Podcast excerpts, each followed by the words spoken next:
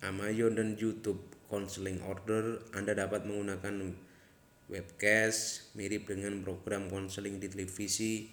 Anda memberikan kuliah tentang suatu topik melalui webcam dan pelanggan harus membayar jika berpartisipasi dalam pelatihan.